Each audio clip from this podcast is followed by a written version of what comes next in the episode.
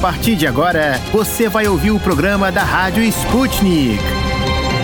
Olá, ouvintes. Eu sou a Tayana de Oliveira, estou com a Melina Saad. Nós vamos apresentar o programa de hoje da Rádio Sputnik. Isso mesmo, tá? E mais uma semana chegando ao fim. Vamos trazer agora o que acontece de mais importante nesta sexta-feira, 25 de março. O Supremo Tribunal Federal autorizou a abertura de inquérito para apurar suspeitas de corrupção no Ministério da Saúde. Ontem, a ministra Carmen Lúcia, do STF, atendeu ao pedido da Procuradoria-Geral da República e autorizou a abertura de um inquérito para investigar o ministro da Educação, Milton Ribeiro. A investigação vai apurar alegações de que Milton Ribeiro estaria favorecendo pedidos de pastores na liberação de verbas públicas. O caso recebeu atenção pública após o jornal Folha de São Paulo ter divulgado um áudio no qual o ministro da Educação afirma que repassou, a pedido do presidente Jair Bolsonaro, recursos da pasta para prefeituras comandadas por aliados políticos. Carmen Lúcia disse também que as notícias crime tratam-se de, nas palavras dela, fatos gravíssimos e estabeleceu que o MEC e a Controladoria Geral da União prestassem explicações sobre o cronograma das verbas no prazo de 15 dias. Também nessa quinta, a Comissão de Educação, Cultura e Esporte do Senado aprovou o convite para que o ministro da Educação dê explicações sobre o assunto. Milton Ribeiro deve ser ouvido no dia 31 de março. Além dele, outros envolvidos também devem prestar esclarecimentos sobre o caso. Falando em Brasília, todos os parlamentares do Congresso devem revelar em um prazo de 10 dias as indicações de emendas que foram realizadas entre 2020 e 2021 por meio do orçamento secreto. A determinação é do presidente da Casa, Rodrigo Pacheco. Em um ofício de urgência, o senador explica a necessidade da medida pelo fato de que esgotou o prazo de 90 dias fixado pelo Supremo Tribunal Federal para que os repasses fossem publicados.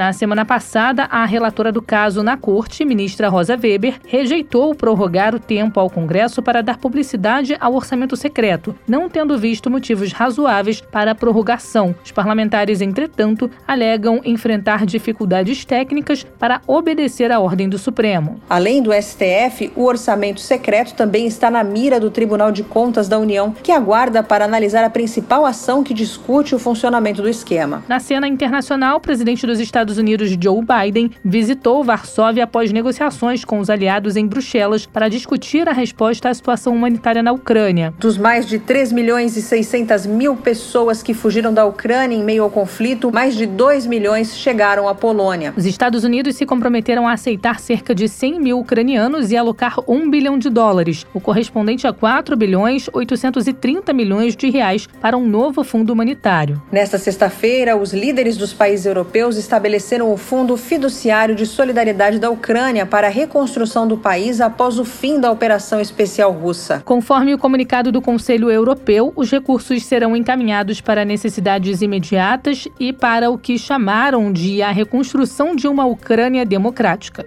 Além disso, Joe Biden e a presidente da Comissão Europeia, Ursula von der Leyen, emitiram um comunicado conjunto afirmando estarem comprometidos a promover uma cooperação em cibersegurança, incluindo a adoção de medidas para aumentar a resiliência cibernética. O líder norte-coreano Kim Jong-un observou de perto o evento teste do maior míssil balístico intercontinental do país, anunciando que os norte-coreanos estão prontos para, nas palavras dele, uma confrontação duradoura com os Estados Unidos. O orçamento aconteceu ontem e foi o primeiro desde 2019, quando, quando Pyongyang lançou os mísseis mais potentes em plena extensão. Os militares sul-coreanos estimaram o raio do míssil no último teste em até 6.200 quilômetros. De acordo com a Agência Central de Notícias da Coreia, o teste do novo tipo de míssil balístico intercontinental foi conduzido sob a orientação direta de Kim Jong-un. Ainda de acordo com a KCNA, o líder norte-americano afirmou que o novo míssil tornaria o mundo inteiro consciente do poder das Forças Armadas da Coreia do Norte. Nesta sexta-feira, o ministro das Relações Exteriores da Rússia, Sergei Lavrov, afirmou que as tensões internacionais foram aquecidas até o limite em meio às tentativas do Ocidente de conter Moscou. Nas palavras de Lavrov, o apogeu da linha russofóbica se tornou o apoio de Washington e Bruxelas ao regime de Kiev. Além disso, segundo o ministro, a grande maioria dos países que estão sendo pressionados a se posicionar contra Moscou não se juntará às sanções ocidentais contra a Rússia. Lembrando que no dia 14 de fevereiro começou uma operação militar especial russa na Ucrânia com o objetivo de desnazificação e desmilitarização do país, inclusive para proteger a população rusófona de Donbas e evitar que surja uma ameaça à Rússia. Em resposta, países ocidentais introduziram uma grande gama de sanções à Rússia. Para o presidente Vladimir Putin, a medida foi um forte golpe à economia mundial. Depois desse giro de notícias, vamos ver o que nós preparamos para vocês no programa de hoje. E no programa de hoje.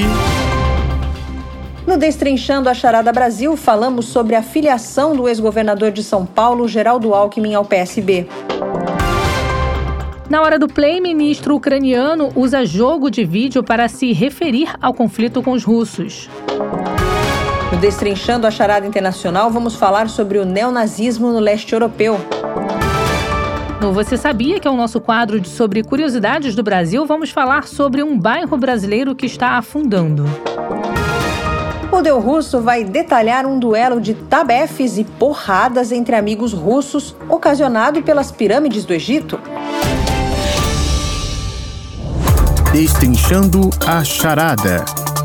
De dentro e fora do Brasil. Política, economia, sociedade e tudo que engloba o maior país da América Latina. As charadas mais complicadas do Brasil são destrinchadas aqui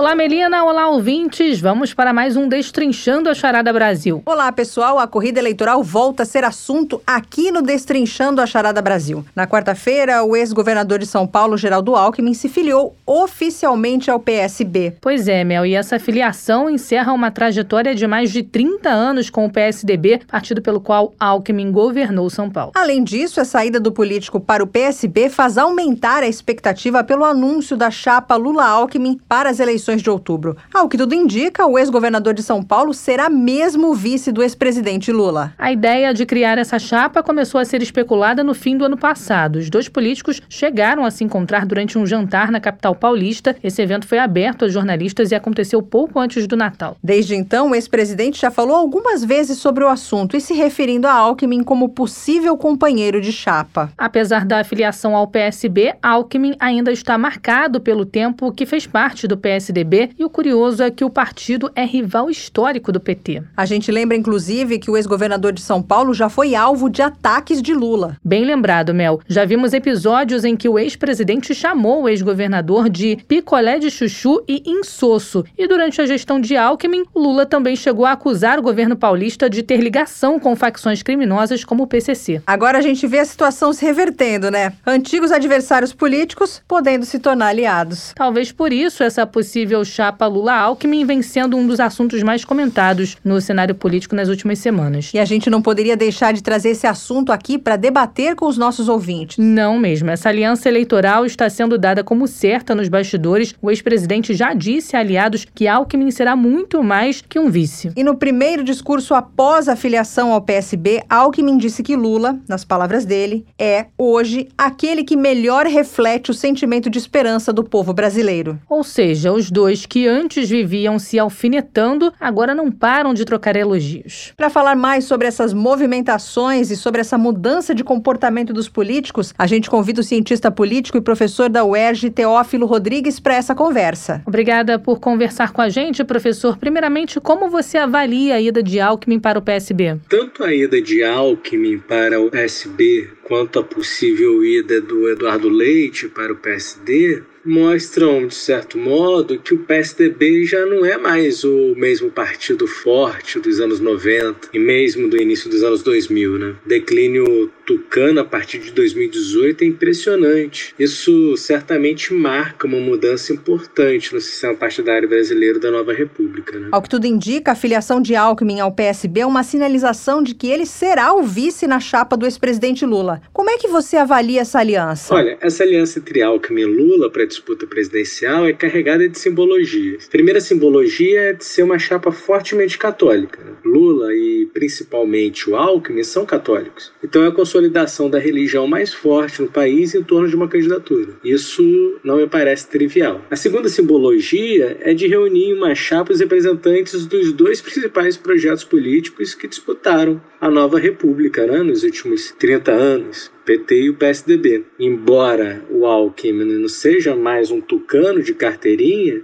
ele ainda é de coração, de formação, poderia dizer assim. Então, podemos dizer que é uma chapa da Nova República contra aqueles que tentaram destruir os alicerces da Nova República, as bases da Constituição de 88, por aí vai. De uma perspectiva histórica, alguns dizem que essa é a chapa da nova república contra a chapa dos apoiadores da antiga ditadura militar. Né? E uma terceira simbologia é a da Frente Ampla. Mais do que qualquer outra candidatura, essa é a chapa que expressa a chamada Frente Ampla. Se assim se consolidar essa chapa. Né? Como a união entre adversários de outras disputas políticas pode ser encarada pelo eleitor histórico de Lula e de Alckmin? Claro que, para os eleitores mais radicais de Lula e Alckmin, esse não é um acordo que agrada, né? Mas não acredito que alguém deixe de votar neles por isso. Eu olharia mais para um outro lado. Muitas pesquisas têm apontado que uma parte considerável do eleitor, que a princípio não vota em Lula e em Bolsonaro, está cansado dessa polarização. Né? Então, para esse eleitor, ver candidatos diferentes unidos em nome de um único projeto pode ser um alento contra a polarização. Essa aliança deve trazer mais benefícios para qual dos envolvidos, Lula ou Alckmin? Essa aliança é benéfica para os dois candidatos. Para o Alckmin é excelente, na medida em que o retira do ostracismo e o eleva para a vice-presidência do país. Algo que seria impossível se não fosse esse arranjo. É bom lembrar que o PSDB está em declínio eleitoral, né? Dentro do PSDB, Alckmin já não tinha mais tanto espaço. Para o Lula também traz benefícios, por isso ele tem defendido com tanto vigor essa articulação desde o fim do ano passado. A aliança com Alckmin pode trazer apoio ou votos para a chapa de Lula? O que o ex-governador de São Paulo tem a oferecer ao ex-presidente? Alckmin não traz exatamente um caminhão de votos para o Lula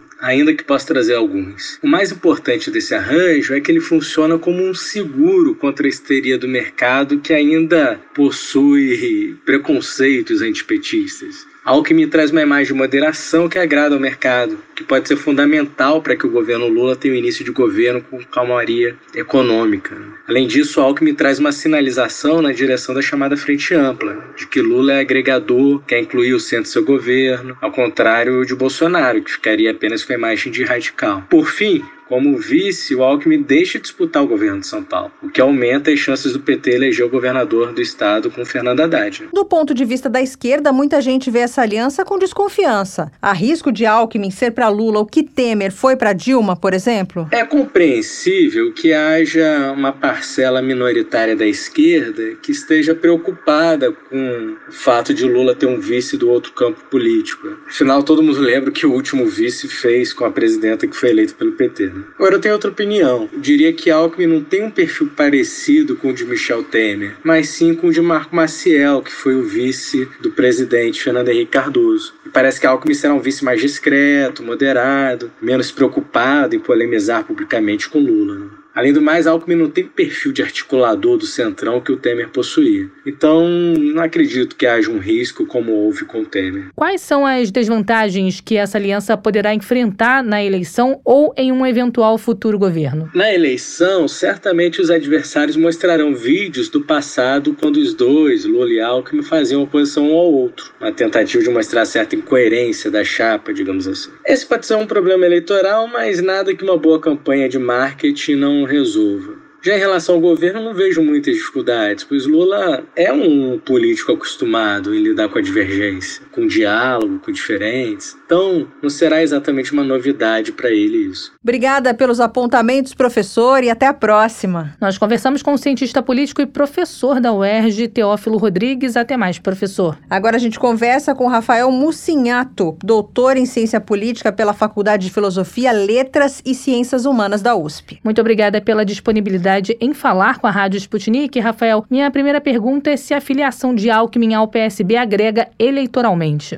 Eu, sinceramente, acho que ela agrega, mas apenas para um segundo turno. No primeiro turno, né, em eleições de dois turnos, as pessoas, o eleitorado não costuma levar tanto em conta qual o vice de cada uma das candidaturas que tem despontado na hora de tomar a sua decisão sobre quais números eles vão digitar na urna. Acho que essa decisão no primeiro turno não se aplica tanto. Ainda mais levando em conta que, no momento atual, a gente tem um voto já bastante consolidado tanto no Lula quanto no Bolsonaro. Você pega as pesquisas aí que têm saído de todos os institutos possíveis, elas têm mostrado que já há um voto consolidado nesses dois candidatos quando a gente pega as pesquisas de votação espontânea, né, naquelas que apenas as pessoas dizem que elas vão votar, né? Não se dão várias opções para aquele entrevistado, o próprio entrevistado que responde de maneira espontânea em quem ele vai votar. E quando a gente vê essas pesquisas, já tem um voto bastante consolidado, né, tanto no Bolsonaro quanto no Lula. Então acho que no primeiro turno não chega a agregar tanto. Agora, acho que no segundo turno, acho que aí sim ela pode agregar eleitoralmente, né? Quando você passa para um segundo turno, uma eleição, sobretudo uma eleição nacional, é, a tendência é que no segundo turno os candidatos que passam sinalizem mais ao centro, moderem um pouco mais o seu discurso, porque eles precisam expandir a sua base eleitoral para além daquelas que eles conquistaram no primeiro turno. E aí acho que sim, no segundo turno, acho que o eleitorado, pensando no cenário atual, né, o que as pesquisas têm mostrado, né,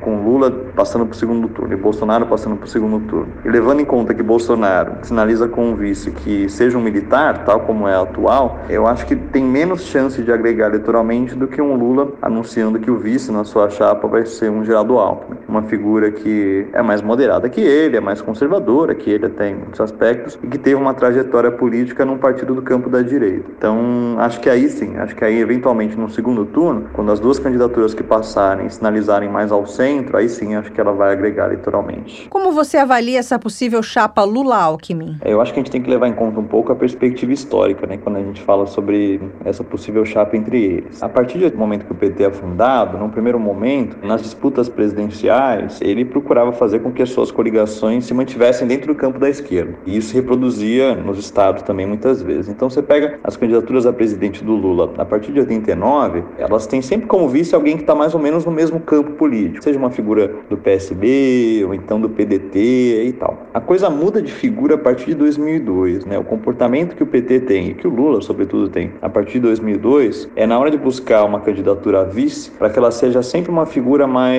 palatável pelo mercado, mais próxima do centro e muitas vezes até do próprio campo da direita. Né? Então, a chapa, possível chapa Lula-Alckmin, vai ser uma reprodução desse tipo de estratégia que o PT e Lula avaliam que tem dado certo desde então. Né? Então, você pega as candidaturas a vice-presidente que o Lula teve, que depois a Dilma teve, então sempre foram figuras do campo mais ou do centro ou da direita. José de Alencar, Michel Temer, são sempre figuras que estão têm uma perspectiva ideológica bastante diferente das próprias candidaturas que o PT tem. Acho que é uma estratégia eleitoral, enfim, gostando dela ou não, foi isso que deu certo do ponto de vista bem pragmático para que Lula fosse eleito em 2002, 2006, para que Dilma fosse eleita em 2010, 2014. Mas no meio disso tudo, a gente teve o processo de impeachment ou o golpe parlamentar de 2016, que fez com que certos setores, tanto do campo da esquerda quanto do próprio PT, reavaliassem, né, até que ponto esse tipo de estratégia é válida, até que ponto vale a pena você ter na sua candidatura de vice-presidência alguém que lá na frente ou que talvez sempre almejou o próprio cargo de presidente, alguém que tenha um trânsito ali dentro dos meandros do Congresso e que possa eventualmente, quando se vê desprestigiado ou quando vê uma determinada conjuntura sendo favorável, comece a arquitetar pela sua queda, pela queda do seu governo. Isso, enfim, foi aquilo que aconteceu em 2016, óbvio, teve outros fatores conjunturais também, como crise econômica, etc, mas não vou entrar tanto nesse ponto aqui, mas só para pontuar que isso fez com que certos setores da esquerda do PT reavaliassem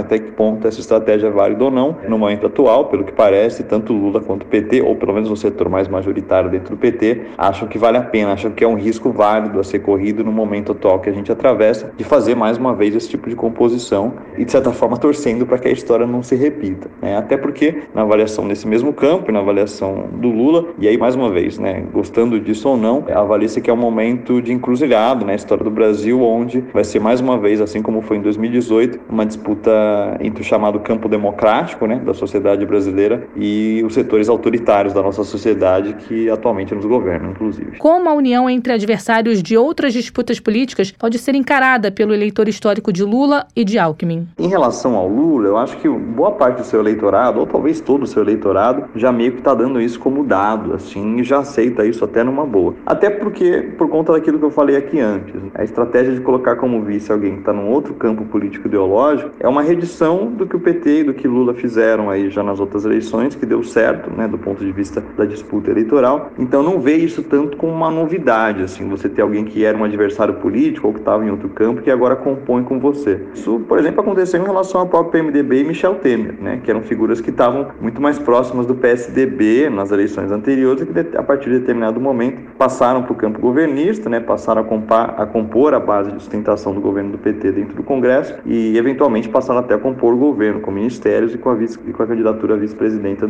vice-presidência, perdão, do Michel Temer. Então acho que do ponto de vista do eleitorado histórico do Lula, acho que não vê com tanto problema em relação a uma composição de chapa com Geraldo Alckmin. Agora, já em relação ao eleitorado histórico de Geraldo Alckmin, acho que eu tenho, enfim, a gente ainda não tem nenhum dado assim muito claro sobre isso. Eu teria aí como muito mais como hipótese que esse eleitorado talvez histórico dele não vê com bons olhos isso, assim, né? Acho que esse eleitorado que é mais conservador, né, tanto na visão dos costumes quanto na visão talvez econômica e tal, talvez veja isso, não sei, entre aspas, como uma traição dele para o campo ideológico ao qual ele pertence, talvez, porque Lula, enfim, se mantém como aquilo que eu falei, né? Lula se mantém dentro do mesmo campo ideológico de certa forma e repete uma estratégia anterior. A novidade é muito mais para Geraldo Alckmin, né? Esse tipo de composição e essa migração partidária para um partido que, enfim, tem um perfil um tanto quanto diferente já do que é o PSDB. Então, acho que se por um lado o eleitorado histórico de Lula não tem tanta restrição em relação à formação dessa chapa, acho que já o eleitorado é, de Geraldo Alckmin talvez tenha aí algumas restrições e veja isso de uma maneira talvez um pouco com o pé atrás, eu acho. O ex-governador de São Paulo na chapa serve para acalmar o mercado? Eu acho que de certa forma é um pouco essa visão que o Lula tem. Não apenas Lula, né, mas alguns setores do PT têm ao trazer Geraldo Alckmin para compor a chapa. Até por conta do histórico que Alckmin teve aqui durante a administração dele como governador de São Paulo, a relação histórica que ele tem com alguns setores da nossa elite econômica, não apenas ele, mas que o PSDB tem e tal. Eu acho que de certa forma isso traz uma sinalização para o mercado de que não vai haver tanta ruptura ou tanta mudança assim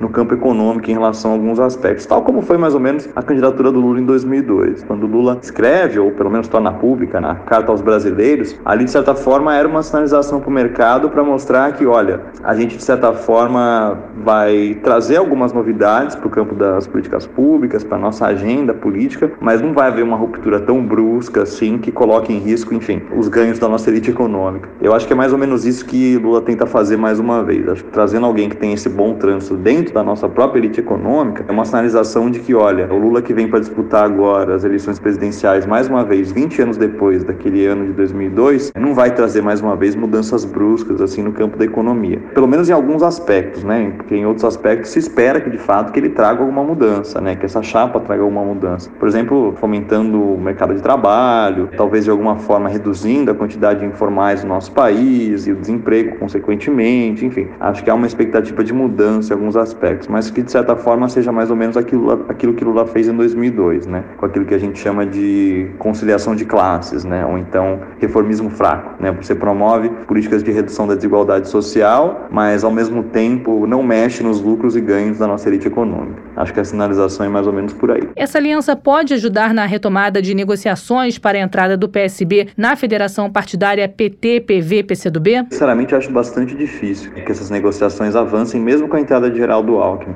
Acho que a dificuldade para a formação dessa federação partidária, que inclua PT e PSB, tem muito mais a ver com lideranças políticas locais fortes, que também, de certa forma, almejam né, disputas de governo do Estado, etc. Por exemplo, tal como Márcio França, aqui no estado de São Paulo, ou talvez outros estados onde o PSB e PT também tenham figuras fortes, do que, de fato, com a entrada de Geraldo Alckmin. Acho que a entrada de Geraldo Alckmin não muda tanto assim esse cenário. Acho que vai haver muita dificuldade e, sinceramente, não tenho tanta certeza de que vai avançar muito para além daquilo que avançou já na formação dessa federação. Mas acho que independentemente disso, o PSB sinaliza que vai atuar próximo ou até colado no PT dentro do Congresso Nacional. Lula parece que já tem articulado isso já faz algum tempo, né? Essa formação de alas novas dentro do PSB, de figuras que sejam próximas a ele, ligadas a ele, que venham de outros partidos do campo da esquerda, tal como, por exemplo, Marcelo Freixo no Rio de Janeiro, Flávio Dino no Maranhão, figuras que já orbitavam em torno de Lula, mas estavam em outros partidos. Acho que a ideia ali é mais ou menos fazer com que tenha uma ala mais forte dentro do PSB, que seja muito mais próxima à Lula e à cúpula do PT, e para que possam atuar de maneira próxima dentro do Congresso no eventual governo Lula. Mas, sinceramente, acho que em relação à formação de uma federação partidária entre eles, acho bastante difícil que isso avance, mesmo com a filiação de Geraldo Alckmin com o PSB. Muito obrigada por compartilhar com a gente o seu ponto de vista, professor. Esse foi o Rafael Mucinhato, doutor em Ciência Política pela Faculdade de Filosofia, Letras e Ciências Humanas da USP. Até a próxima. O que podemos dizer é que a filiação de Alckmin ao PSB encerra uma novela que incluiu negociações com outras siglas como Solidariedade, PV e União Brasil. Agora só nos resta aguardar a oficialização da chapa de Lula para saber se o ex-governador será mesmo vice ou não. Esse foi o Destrinchando a Charada Brasil de hoje. Até segunda.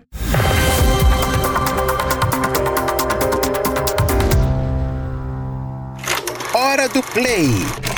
Curtidas e mais curtidas da Rússia ao Brasil. Confira com a gente os vídeos da Sputnik Brasil que estão bombando na internet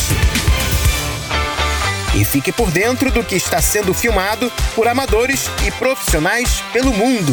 Nós já estamos aqui ansiosas para saber o que está bombando na internet. Por isso convocamos o nosso amigo Tito. Direto da Sputnik de Moscou, o que é que você manda, meu amigo? Olá, queridos amigos da Rádio Sputnik. Eu sou o Tito da Silva e estes são os vídeos da Hora do Play. No primeiro vídeo de hoje, russos publicaram um vídeo de um trote que passaram na secretária do interior do Reino Unido, Priti Patel. No trote, um dos trolladores se passou pelo premier ucraniano Denis Shmyhal, em um momento em que o Reino Unido é um dos países do Ocidente que mais prestam apoio à Ucrânia. Na conversa, o trollador disse que espera que o povo britânico não tenha medo dos nacionalistas ucranianos, ao que Patel respondeu dizendo que o apoio aos nacionalistas ucranianos é muito significativo em seu país. O vídeo você pode encontrar na plataforma de vídeos Odyssey digitando Secretária do Interior do Reino Unido cai em trote de trollador russo.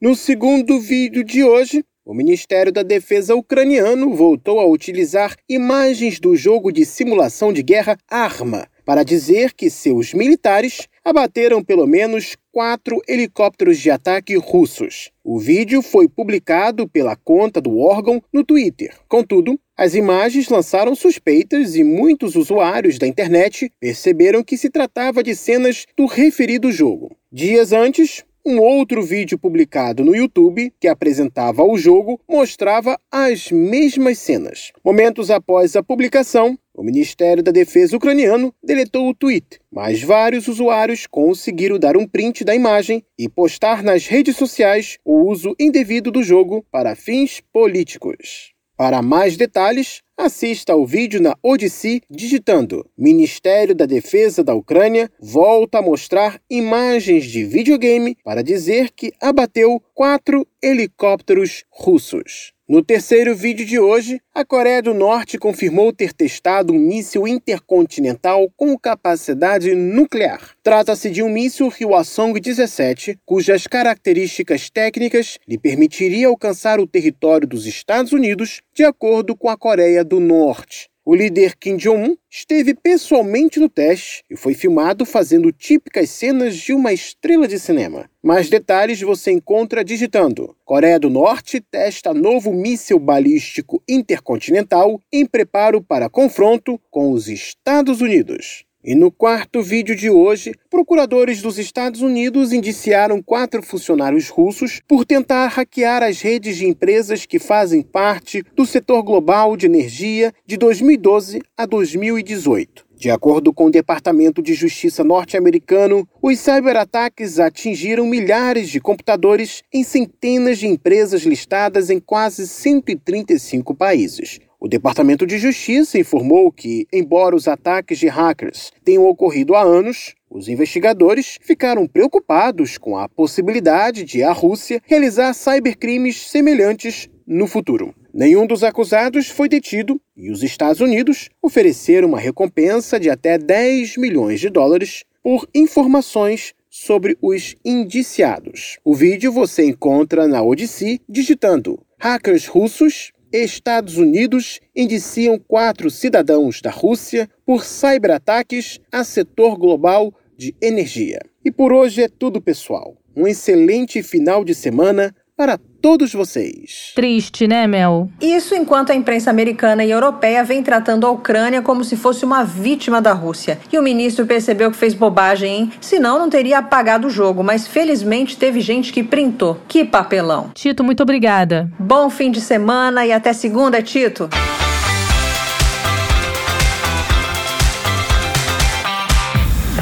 Não se esqueça de ler, curtir e comentar nossas matérias no site br.sputniknews.com. Destrinchando a charada. Encruzilhada Internacional. Relações políticas, socioeconômicas e muito mais entre as nações deste mundão. Da Rússia aos Estados Unidos. Encontre com a gente as respostas às perguntas do momento. Olá, Thay, ouvintes, vamos para o nosso Destrinchando a Charada Internacional. Vamos sim, ouvintes, eu e minha companheira de todo dia, Melina Sádia. Hoje nós vamos falar de neonazismo, um tema bastante sério. Vamos dar uma pincelada na história. Você gosta de história, Thay? Eu gosto sim, Mel. Espero que os nossos ouvintes também. Aliás, que jornalista não gosta de história? Verdade. E, Thay, o tema de maior destaque na atualidade é, sem dúvida, a operação militar especial da Rússia na Ucrânia, que nós, jornalistas, estamos o tempo todo noticiando, atualizando. Isso já tem um mês e muita coisa coisa já aconteceu desde então. Há quem diga que o mundo já não é mais o mesmo, e por conta dessa operação, a Rússia tem sofrido muitas sanções por parte dos países ocidentais. Líderes de várias nações estão discutindo os rumos da crise e as possibilidades de resolução. Um assunto que para muita gente estava só nos livros de história voltou a ser discutido, nazismo. Pois é, o nazismo de Adolf Hitler, que defendia a ideia de que uma raça pura, superior e perseguia todos aqueles que não se encaixavam nos seus critérios, hoje tem uma nova roupagem. Os herdeiros dessa ideologia de extermínio, os neonazistas, estão aí, se espalhando por vários países. Mas por que nós estamos falando disso agora? Porque o assunto ganhou força nas últimas semanas, quando, ao falar sobre essa operação na Ucrânia, o presidente russo Vladimir Putin disse que um dos seus objetivos era desnazificar o país vizinho, onde grupos radicais como Sbodova, Pravi Sector e Batalhão Azov têm chamado muita atenção nos últimos anos. A Ucrânia faz parte de um grupo de países do leste europeu que sofre com o neonazismo. E a identificação com essa ideologia acaba se perpetuando em indivíduos de novas gerações, que hoje compõem muitos desses grupos neonazistas. É claro que o neonazismo não é um problema exclusivamente ucraniano. Ele está presente em diversos países e, por isso mesmo, combate a essa ideologia é uma responsabilidade de todos. É verdade, por isso causou estranhamento quando no ano passado os Estados Unidos e a Ucrânia votaram na ONU contra uma resolução de combate ao nazismo. Foram os únicos dois países, Thay. Para entender um pouco melhor o que é neonazismo, a importância de falar sobre ele e combatê-lo, vamos conversar com o historiador Bruno Garcia. Ele está em Lisboa e estuda o movimento das direitas na Europa. Olá, professor. Muito obrigada por aceitar conversar com a Sputnik. A gente tem ouvido muito falar no neonazismo na Ucrânia, inclusive dentro do governo. Tem como o senhor explicar para a gente as origens disso? De fato, a Ucrânia tem um problema com grupos extremistas. E problema não simplesmente porque eles existem, até porque todo país europeu tem grupos radicais e mas a maioria agindo às margens da política local. O problema da Ucrânia é que essas pessoas migraram dessa posição subalterna para uma posição de legitimidade e de visibilidade institucional. Quer dizer, isso aconteceu depois dos protestos de 2013, 2014, o Euromaidan, que não só terminaram por derrubar o presidente do país, como desagregaram o próprio Estado ucraniano. A hierarquia, a cadeia de comando de forças de segurança, por exemplo, como o exército e a polícia, foi praticamente desfeita. Os ucranianos chamaram isso de revolução, os russos de golpe de Estado. Mas, seja como for, com a anexação da Crimeia e a aparição de grupos separatistas em duas províncias no leste do país, a Ucrânia se viu sem exército e sem organização suficiente para reagir. Foi nesse contexto que alguns grupos radicais, muitos que participaram dos protestos em Kiev, fazendo a segurança no movimento, começaram a ser incorporados como brigadas de voluntários para combater nessas províncias. E o que você tem aí é uma combinação de nacionalismo exacerbado com uma circunstância na qual a própria existência da Ucrânia se via em xeque. Daí a inclusão de forças convencionais de grupos como o Priv Sector,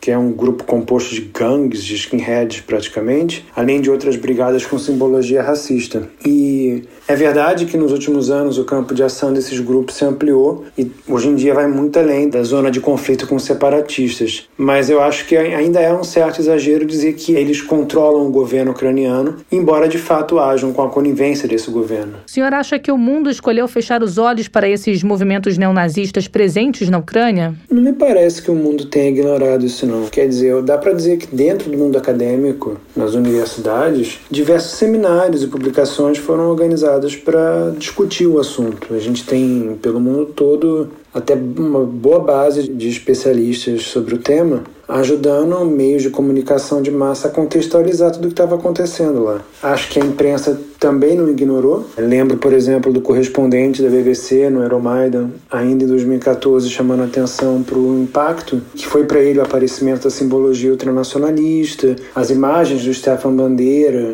e dizendo que era necessário nos próximos anos observar com muita atenção o que estava acontecendo e no que estava se transformando o país. Eu lembro também, por exemplo, do The Guardian, uns quatro anos atrás, o jornal inglês The Guardian, né, que está longe de ser uma publicação obscura, fazendo um vídeo, uma videoreportagem consistente sobre os campos de treinamento de jovens, alguns deles crianças, organizados pelo Batalhão Azov.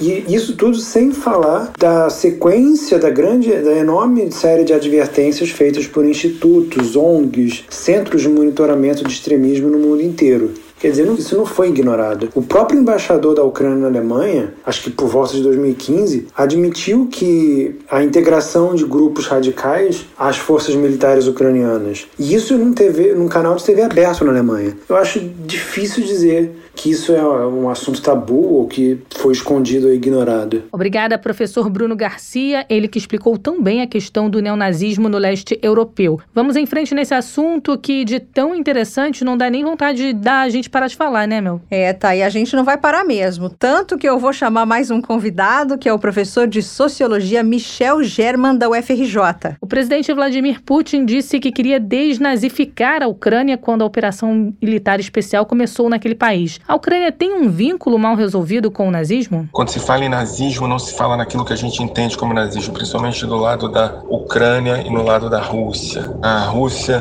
tem um vínculo muito forte com a Grande Guerra Nacional. Em última instância, quando se fala sobre nazismo, se fala sobre a Guerra Patriótica. E a Ucrânia tem uma relação mal resolvida com os movimentos neonazistas, que é o vínculo que os países do Báltico e os países da ex-União Soviética têm com uma fase em que o nazismo representou, em algum sentido, uma possibilidade de libertação da União Soviética. Isso parece muito com a questão palestina, na época do Mufti de Jerusalém. Então, acho que você descontextualizar a relação que se tem com o nazismo nesses países é efetivamente produzir uma deshistorização. Eu acho que é incomparável o nazismo com o comunismo. Eu acho que está falando aqui sobre dois regimes que têm naturezas diferentes, um genocidário e outro igualitário. Um que produziu campos de extermínio e outro que produziu coletivização. Um que produziu um projeto de sociedade outro que produziu um projeto de morte. Eu não vejo comparação possível, mas é preciso entender que essa experiência desses grupos é, nacionais que vivem olhando para os nazistas como sendo uma alternativa aos comunistas que eles estavam vendo. Essa experiência é uma experiência terrível, mas se a gente não entende o contexto político, a gente não vai entender nada. Eu trabalho com palestinos, por exemplo, né? Tem uma figura histórica palestina muito importante chamado Mufti de Jerusalém, Amin al-Hussein, né? uma liderança que também apostou para derrubar os judeus sionistas no nazismo. Eu posso dizer hoje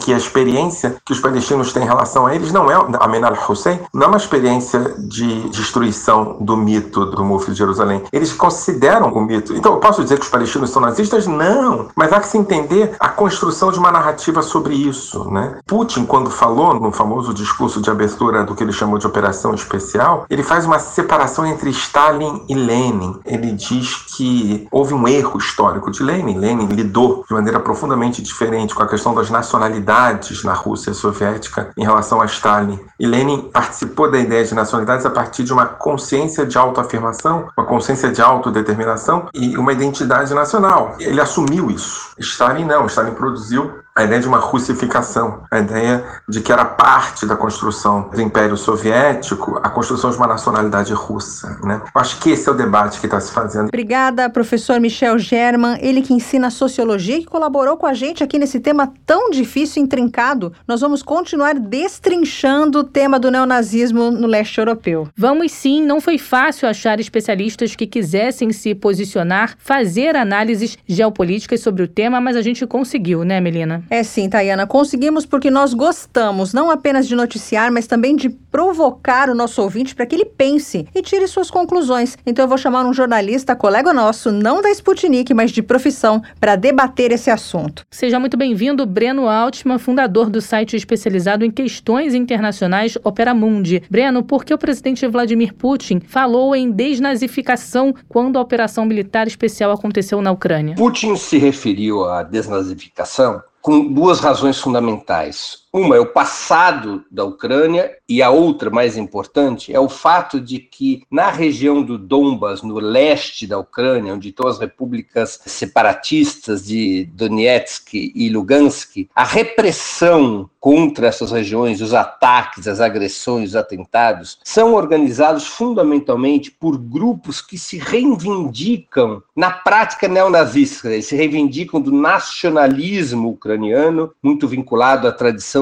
de um líder chamado Stepan Bandera. Stepan Bandera foi um líder nacionalista ucraniano que fez acordo com os nazistas na Segunda Guerra, que lutou ao lado dos, dos nazistas contra a União Soviética. E esses grupos, o mais famoso deles é o Batalhão Azov, situado ali no Mar do Azov. Esses grupos é que participaram intensamente dessas sabotagens, dessas agressões, desses ataques às repúblicas separatistas. Então, quando Putin fala em desnazificação, ele está fazendo um discurso contra estes grupos e está fazendo um discurso contra o fato do governo Zelensky, embora não seja propriamente um governo nazista, ele não é um governo nazista ou neonazista, nem o Putin diz isso, mas é, na coalizão de forças que sustenta o Zelensky, nessa coalizão são aceitos os grupos neonazistas, esses grupos nacionalistas, eles não se dizem neonazistas, eles são grupos nacionalistas nacionalistas de extrema direita que se vinculam a esse pensamento, entre outros patronos, mas se vincula a esse pensamento do Stepan Bandeira, eles são bandeiristas desse nacionalismo eh, que no passado teve uma aliança muito estreita com o nazismo. Eles, inclusive, aparecem em várias fotos, esses grupos, com bandeira carregando a suástica, com toda a simbologia daquele nacionalismo pró-fascista,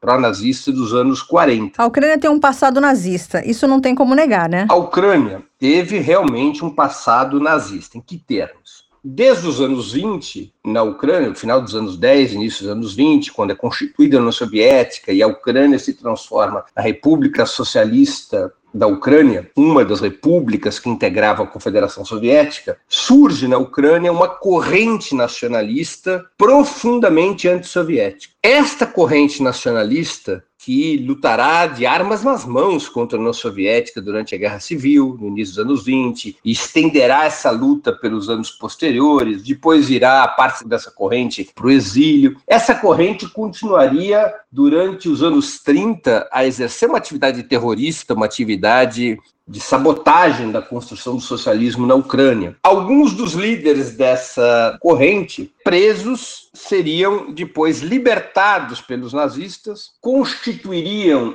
uma tentativa de criar uma Ucrânia independente sob o controle desses nacionalistas. O mais importante desses líderes nacionalistas foi Stepan Bandeira. O Stepan Bandeira, inclusive, morreria só nos anos 60. E o Stepan Bandeira, ele leva o nacionalismo ucraniano, ou uma parte expressiva do nacionalismo ucraniano, não foram todos que aceitaram essa orientação, a uma aliança com os nazistas em prol da independência da Ucrânia contra a União Soviética. Então, é nisto que está o passado nazista da Ucrânia. A fusão entre a liderança nacionalista ucraniana antissoviética com a invasão nazista. A isso se refere Putin também em seus discursos. O mundo fechou os olhos para esses grupos neonazistas, por quê? Eu não tenho dúvidas de que o Ocidente fez vistas grossas a esses grupos nazistas e neonazistas na Ucrânia, porque eles eram funcionais, eles foram parte importante do golpe que em 2014 derruba o governo do Yanukovych, que era um governo aliado a Moscou. Então, a coalizão de forças que daria sustentação ao golpe de 2014 na Ucrânia incluía de grupos sociais-democratas pró-Ocidente até grupos neonazistas, como é o caso dos bandeiristas, como é o caso dos distintos grupos que se reivindicam dessa tradição nacionalista de extrema-direita que existe na Ucrânia há tanto tempo.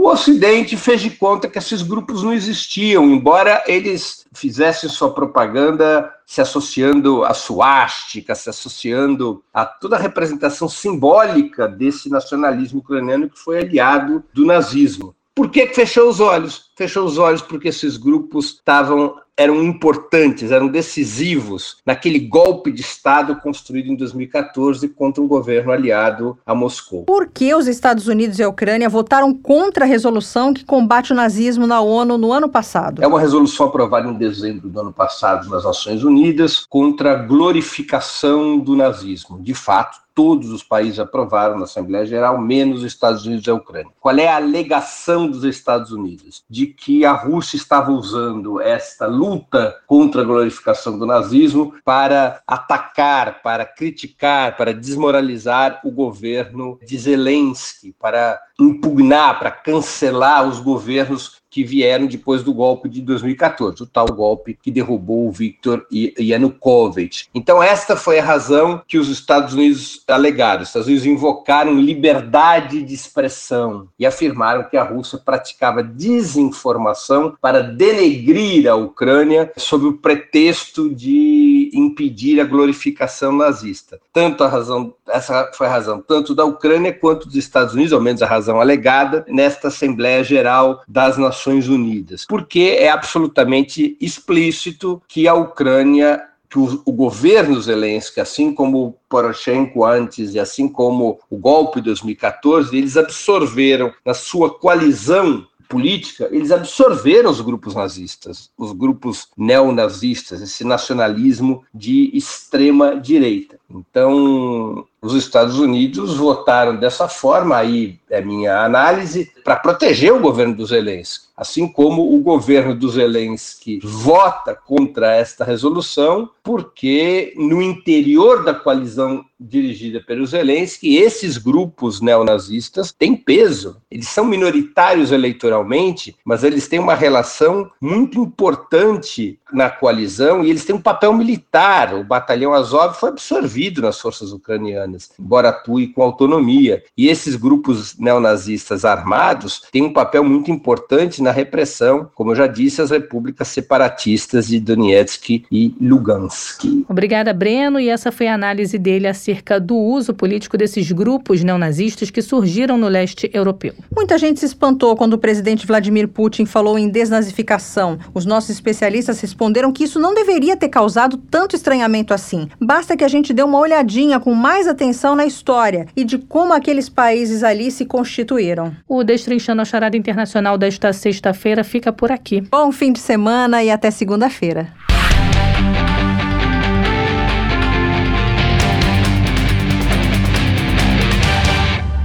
Você sabia? Não? Agora vai saber! Num país gigante como o Brasil, sempre há mistérios ou peculiaridades históricas que merecem ser desvendados. Vem com a gente descobrir! Olá, ouvintes! O Você Sabia de hoje vai falar sobre uma curiosidade brasileira relacionada à geologia. Vocês sabiam que existem bairros em Maceió, no estado de Alagoas, que estão simplesmente afundando? Surreal, né, Thay? Até existem fenômenos naturais que podem causar esse tipo de situação, mas não é desse caso que nós vamos tratar hoje. Pois é, Mel, e em alguns bairros de Maceió foi a extração de sal que acabou provocando esse fenômeno de afundamento de bairros. Imagina, você simplesmente ter que sair de casa porque o bairro está afundando. Parece filme de ficção científica, mas infelizmente é a realidade de centenas de pessoas. E para falar mais sobre esse assunto, convidamos uma especialista que está bem próxima dessa situação, Regla Torragues, nascida em Havana e radicada em Maceió, que é engenheira geóloga e professora de geologia na Universidade Federal de Alagoas. Professora Regla, muito obrigada pela sua participação. Conta pra gente que fenômeno é esse de afundamento do solo. Bom, esse afundamento, primeiro que a subsidência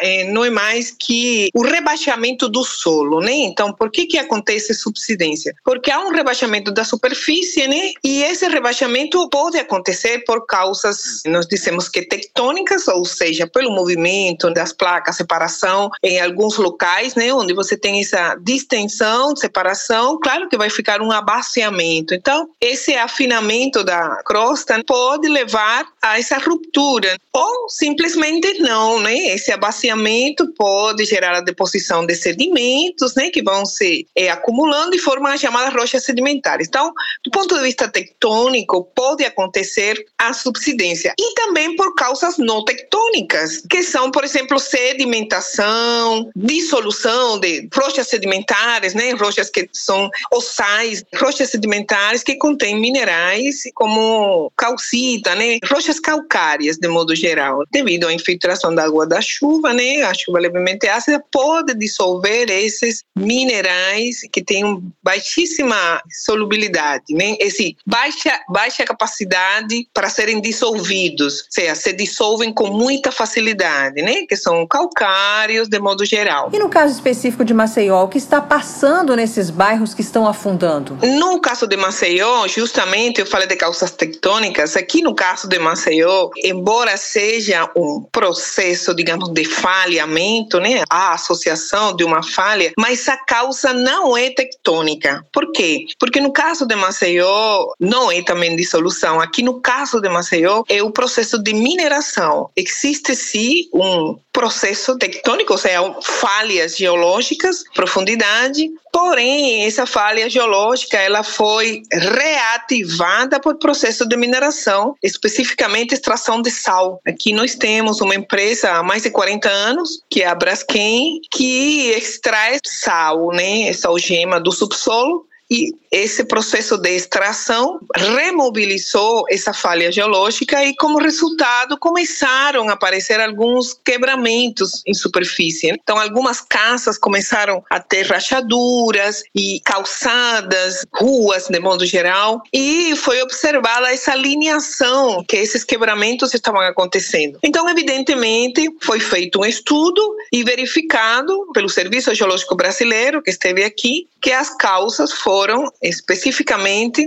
a extração de sal, que remobilizou, reativou essa falha geológica. E professora, você poderia falar um pouco sobre essas regiões afetadas? Sim, são cinco bairros que foram afetados. Então, o bairro onde começaram a aparecer os primeiros fraturamentos né, nas ruas e nos prédios foi no bairro do Pinheiro. Então, ele foi, digamos assim, o que teve maior número de famílias né, afetadas e retiradas da região. Né? Temos, então, o bairro Pinheiro, bairro do Mutange, por baixo do bairro do Mutange, que passa a falha geológica, que eu lhe falo, e próximo ao bairro do Mutange, onde temos a Lagoa Mundaú. Ali na lagoa, nós temos vários poços de perfuração para extração de sal. Então, existe essa associação. Pinheiro, Mutange, o bairro de Bebedouro, que é um bairro, inclusive, com locais históricos aqui no município de Maceió, o bairro de Bom Parto, colindante com o bairro do Mutange, e uma parte pequena do bairro do Farol. Então, são esses cinco bairros que têm afetações devido à subsidência. E qual foi o impacto para as pessoas que residiam nesses bairros? Exatamente. Quando a gente fala em impactos, se faz um estudo de impactos ambientais, a gente verifica três linhas linhas: o meio físico, o meio biótico e o meio antrópico. Do ponto de vista do meio físico, claro, evidentemente o solo foi o principal meio afetado, né? E, consequentemente, devido à subsidência, algumas tubulações, ou seja, algumas canalizações da água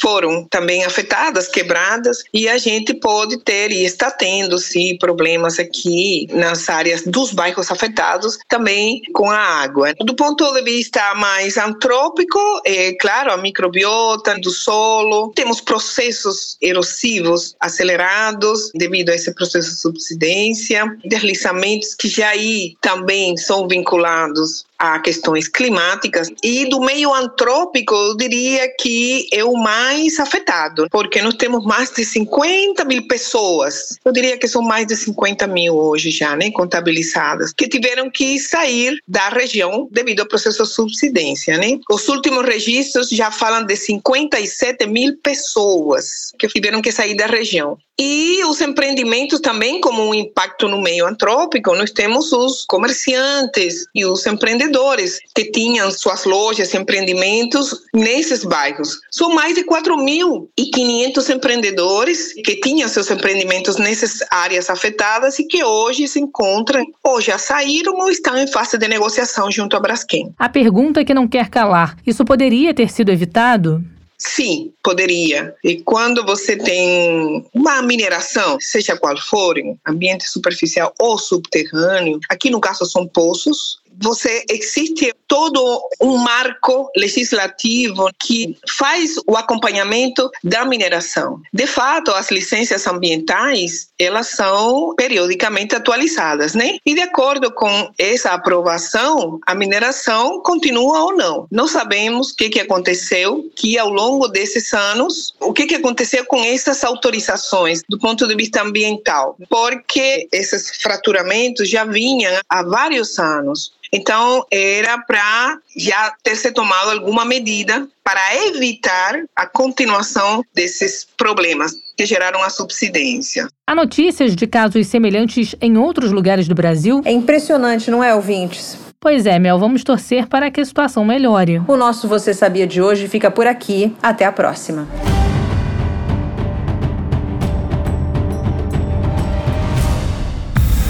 Não se esqueça de ler, curtir e comentar nossas matérias no site br.sputniknews.com.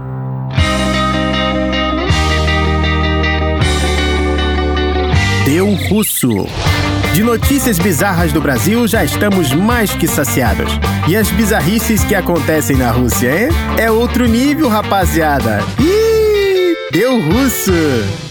Sabe aqueles duelos conhecidíssimos do passado e que um deles ocasionou a morte do famoso poeta russo Alexandre Pukin? Mas se o duelo que levou Putin à morte foi ocasionado por rumores de traição da sua amada, o duelo do Deu Russo de hoje também aconteceu na Rússia, mas não pelo coração de uma mulher. Em uma noite como outra qualquer, três amigos se reuniram na cozinha do apartamento de um deles. A ideia era tomar uns drinks de uísque com Coca-Cola e bater um papo.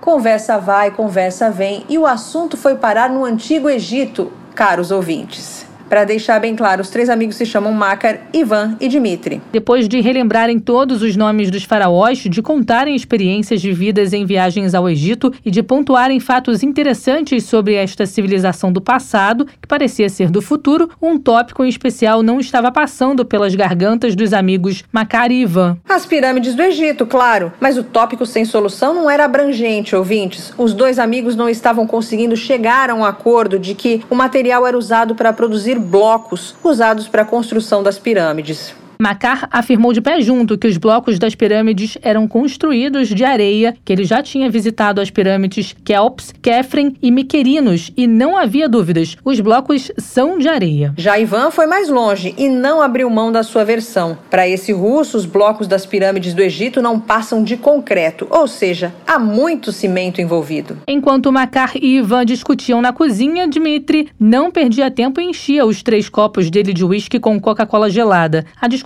parecia não ter fim, assim como uma garrafa de uísque. Detalhe, ouvintes: Dimitri sabia que daquela confusão não ia sair um ganhador só na discussão, então convidou os dois a saírem da sua cozinha rumo à rua para continuarem o bate-boca ou a porrada lá fora. E assim fizeram. Macar e Ivan não estavam prontos para ceder. Macar não soltava a areia dele de jeito nenhum e no coração de Ivan só havia cimento. Já na rua, Dimitri desceu também, claro, com a garrafa de uísque na mão. Os dois amigos, Macar e Ivan, partiram para o duelo. Não de tapas no rosto, nada disso. O duelo entre russos era de tabefes e porradas. E tudo pelas pirâmides do Egito. Se na discussão entre areia e cimento não teve um ganhador, na porrada teve. Quem ganhou, obviamente, foi o concreto, porque o que uma areia pode fazer com o concreto, ouvintes? Nada. Ivan levou a melhor, pelo menos nos tabefes. Mas a briga foi tão longa e barulhenta que todos os amigos acabaram indo parar na delegacia. Depois de explicarem toda a situação para os policiais e deixar todo mundo bem confuso com a situação, todos acabaram sendo liberados, mas com uma multa a pagar por vandalismo. A areia pagou uma multa de mil rublos e o cimento também, ou seja, cada um pagou uma multa de 50 reais. Daí vocês podem perguntar do que eram feitos os blocos das pirâmides, de areia ou de cimento? Bem, pessoal, os blocos das pirâmides do Egito eram feitos de calcário e granito e resistem até hoje mesmo, após milhares de anos de exposição aos elementos da natureza. Se na briga quem ganhou foi Ivan no cimento, no fim das contas quem ganhou foi Macar, que apostou na areia. E a areia nada mais é do que uma forma decomposta das rochas. Então, um ponto para Macar e um ponto para Ivan.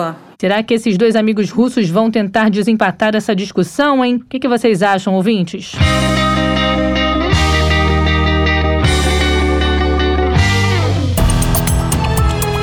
Hora de dar tchau.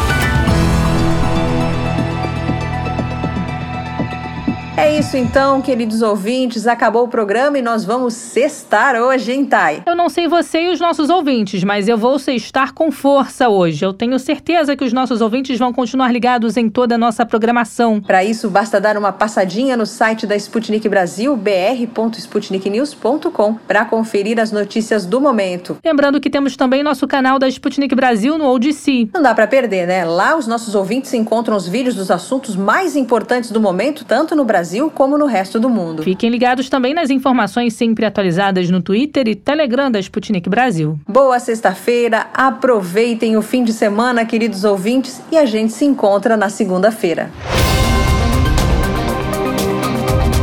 Você acabou de ouvir mais um programa da Rádio Sputnik.